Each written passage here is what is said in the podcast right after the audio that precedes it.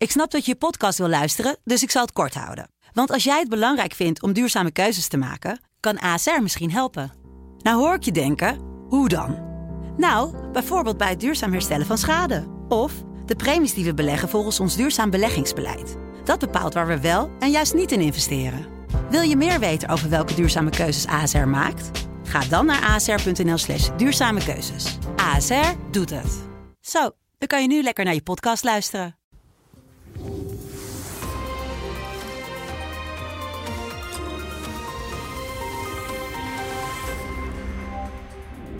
Welkom weer bij het gesprek met de hoofdredacteur van de Telegraaf, Paul Jansen natuurlijk. Met wie we wekelijks het nieuws bespreken. Paul, we gaan het hebben over uh, de documenten die uh, in de trein uh, waren geslingerd. Of die had hij laten liggen door Gert-Jan Segers van de ChristenUnie. Waardoor wij een inkijk konden krijgen in hoe het CDA en de VVD in de wedstrijd zitten. Nou, Ja. we hadden er deze vrijdag ook een groot verhaal over in de krant. Ja, met name omdat eh, dit is natuurlijk. eh, dit- kijk, het is pijnlijk dat eh ChristenUnie Nou. Zegers dit overkomt. hè. We hadden de, de parlementaire collega's hadden een mooie fonds, de, de eer- eerste klas geblunder. Ja, Eh, Want hij, reed, rijdt, of hij eh, reist altijd eerste klas. Maar het is natuurlijk met name eh, voor ons journalisten waanzinnig interessant. Omdat je nu dat kijkje in de keuken krijgt. Wat je normaal niet hebt.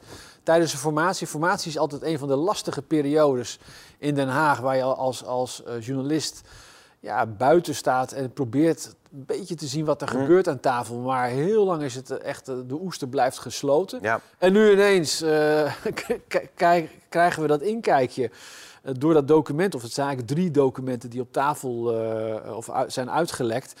En twee daarvan zijn heel interessant. Dat is A, is dat, dat de, passage uit de huidige onderhandelingen over migratie, waar je ongeveer de contouren kan gaan zien van hoe een, eh, een, een nieuwe coalitie, een regeerakkoord van die coalitie eh, eh, eruit komt te zien. Ervan uitgaande dat dit Kan allemaal gaat zien. landen. ja. Eh, en het tweede document natuurlijk heel interessant is, is dat eh, befaamde document van eh, VVD en CDA uit september. En, en met name voor de VVD als verkiezingswinnaar is, dat heel, is dit natuurlijk heel pijnlijk. Als, Ja. je, als je ziet wat daarin staat. En, en, en wat ook interessant is de laatste dagen, hè, want het is nu een aantal dagen is dit in de openbaarheid gekomen. Wat zie je gebeuren? Toch wat onrust bij de VVD. Nog geen uitslaande brand, zoals na de eh, plannen rond de inkomensafhankelijke zorgpremie uit de formatie van 2012. 12, maar wel met name lokale VVD'ers die zeggen... ja, maar wacht eens even, dit staat zo ver af van wat wij in de verkiezingscampagne hebben beloofd. En waarom hoor je nou met name die VVD'ers eh, nu piepen? Omdat die bang zijn dat ze de klappen gaan moeten gaan opvangen bij de gemeenteraadsverkiezingen. Ja, want die komen er natuurlijk eh, aan eh, volgend Ja. jaar eh, maart, naar ik meen. Maar laten we het even over de inhoud hebben. En dan met name denk ik het punt waar jij op wil aanhaken... is die hypotheekrenteaftrek. Die is niet meer heilig bij de VVD, dat blijkt wel. Het is natuurlijk een, een, een, een akkoord, eigenlijk conceptakkoord tussen VVD en CDA. Maar VVD heeft er Ja. vroeger altijd een belangrijk punt Ja. van gemaakt. Ja, nou, het ligt wat breder. Hè? Eh, kijk, eh, wa- wat, namelijk opvalt is, het is, het, het is bekend en logisch in Nederland, we zijn een coalitieland, er wordt altijd gepolderd. En als, als je een coalitieregering hebt en iedereen heeft, een- heeft een verkiezingsprogramma, dan kom je samen en dan geef jij wat toe op A en ik geef wat toe op Ja. B. En zo, zo probeer je met z'n allen uit te komen. Wat nou zo opmerkelijk is aan dit document, wat eh, gemaakt is in september, toen de formatie helemaal op slot zat. En CDA en VVD met dit document eigenlijk probeerden D66 te verleiden voor een minderheidscoalitie. Eh, dus die zijn gezamenlijk eh, gaan zitten. Wat hier zo aan opvalt, is dat eh, die partijen, dus met, en, en met name de VVD, waar ik dan even op inzoom, al zaken uit hun eigen verkiezingsprogramma prijsgeven. Ja. Nog voordat überhaupt de onderhandelingen Ja. begonnen zijn. Dat is zo uniek. En eh, waarom, waarom valt dat op? Omdat de VVD zaken weggeeft, nogmaals, voordat de onderhandelingen Ja. beginnen, op hele cruciale dossiers, zoals het, woon, de, het woondossier, maar ook migratie. En eh, ja, dat riekt toch wel naar kiezersbedrog. En dat is natuurlijk niet voor het eerst dat de VVD er blijk van heeft gegeven. Ook in die roemruchte formatie van 2012 bleek achteraf, hè, ik weet niet of je dat herinnert, dat vlak voor de verkiezingen. En toen was het een hele spannende tweestrijd tussen VVD en PvdA.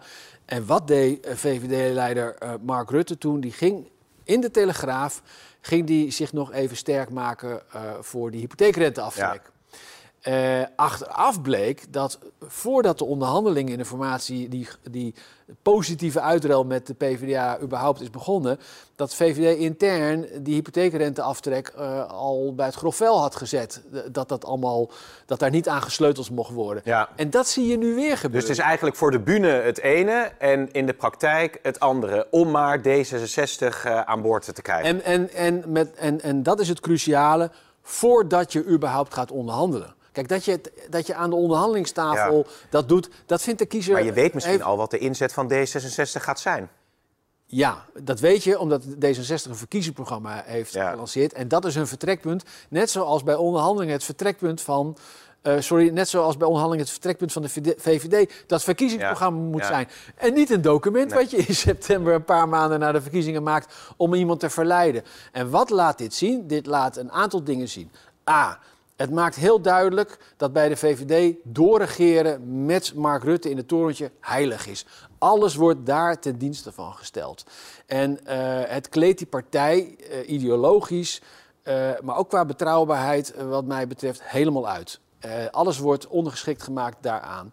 En, en B laat het zien, helaas opnieuw, want de VVD heeft al niet een heel erg lekker track record op dit punt, dat verkiezingsbeloften al bij het grofvel worden gezet door de VVD voordat überhaupt een formatie serieus op inhoud wordt geopend. Ik vind dat een hele slechte zaak. Dat is, je moet er als kiezer uh, op kunnen vertrouwen dat als jij je stem geeft aan een partij, dat die partij met die stem serieus hard knokt aan die onderhandelingstafel om de zaken die ze jou hebben beloofd als kiezer, en dat geldt niet alleen voor de VVD, hè, dat geldt voor alle partijen, dat, dat zij, dat zij uh, ja, jouw belangen echt behartigen. En, en je ziet nu, nu, nu, opnieuw dat ze eigenlijk met die belangen toch wat achterloos omgaan. En ik, ik, ik zie dat op het woondossier, waar niet expliciet over de hypotheekrente wordt gesproken overigens, maar wel wordt gezegd dat ingrepen in de fiscale behandeling van de woning bespreekbaar zijn. Naar box 3 overhevelen bijvoorbeeld? Nou, dat hoeft niet. Dat hoeft niet. Het, het, kan gaan, ik denk niet dat dat gaat gebeuren.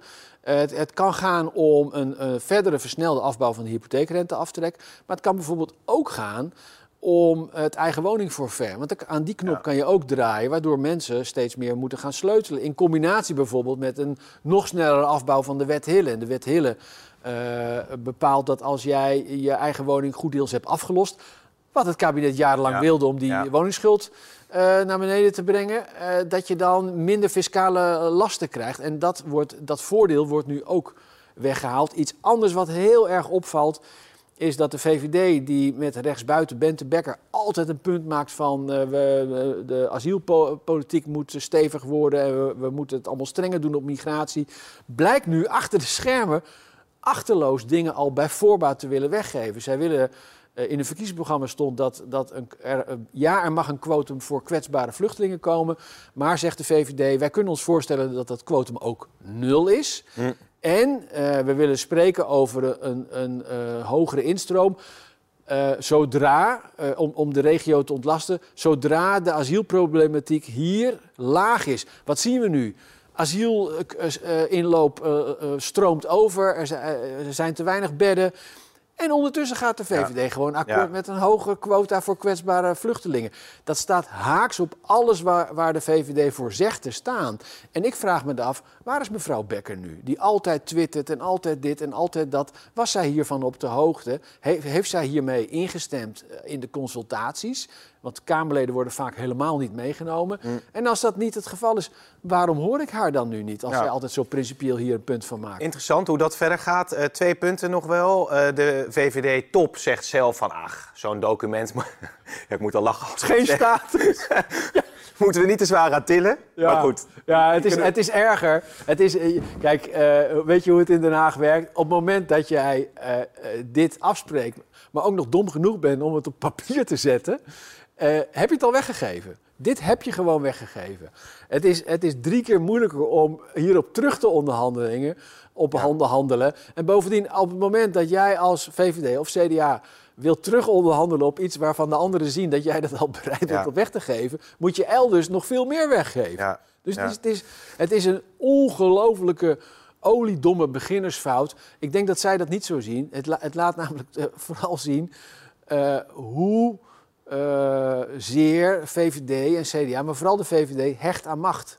Hoe heilig het is om Rutte, want, want zonder, zonder Rutte stort de hele VVD in. En, en je ziet hier eigenlijk een laatste poging van de VVD om zich vast te klampen aan die macht. En alles is Ja. daaronder geschikt aan. En ik vind dat een hele, hele kwalijke zaak. Ja, want dat was het laatste punt wat ik nog even wilde aanhalen. Eh, De VVD doet het natuurlijk eh, hartstikke goed. De laatste verkiezingsuitslag ook nog in de peilingen. Ja, dus je zou kunnen zeggen, ja, deze koers en het, het, het schuiven naar links, als je het zo noemt, ja. Ja. Het, het, pakt, het pakt tot dusverre allemaal goed uit. Ja, en nou zeg ik als eh oudgediende in Den Haag. Ik heb eerder gezien bij het CDA onder Balkenende eh, en, en onder Lubbers is het ook gebeurd, maar toen zat ik nog niet in Den Haag. Dat partijen die lang aan de macht zijn, zoals de VVD nu met Rutte, die gaan zich onaantastbaar voelen. Want je ziet nu ook met de VVD, die door de jaren, want elke machtspartij door de jaren heen, als je regeert, maak je vuile handen. Je loopt butsen op en bulten. Eh, en de VVD heeft nu gezien, want ze zijn al ruim tien jaar aan de macht, het lijkt ze uiteindelijk niet te raken. De enige partij die na een half jaar gesodemieter in Den Haag nog goed staat in de peilingen, is de VVD. D66 eh, stort in, CDA stort in. Eh, maar Rutte en, en zijn eh kornuiten, die doen het nog steeds heel goed. Dus die partij, die krijgt dat, dan krijg je ook zo'n gevoel over je... Het maakt eigenlijk niet zoveel uit. Maar wat heeft nou het verleden laten zien? Er komt een kantelmoment. Dat ga en dat kantelmoment, dat zie je nooit aankomen. En dan in één, keer is het, ben je het kwijt. Dan ben je het vertrouwen kwijt. Dan lukt, lukt niks meer. Dan lijkt de houdbaarheid van je premier in één keer eh, vervlogen. En dan gaat de VVD waarschijnlijk proberen om alles wat ze nu hebben weggegeven... om daar in één keer weer piketpalen te slaan. Maar dan ben je te laat. Want het vertrouwen van die kiezer is dan gewoon weg. Dus ik denk dat wat je hier nu ziet gebeuren is pure hoogmoed. En je weet dan wat daarmee gebeurt? Ik weet het en we laten dat gewoon bij de verbeelding van de kijker. Paul, dankjewel. Oké, graag gedaan.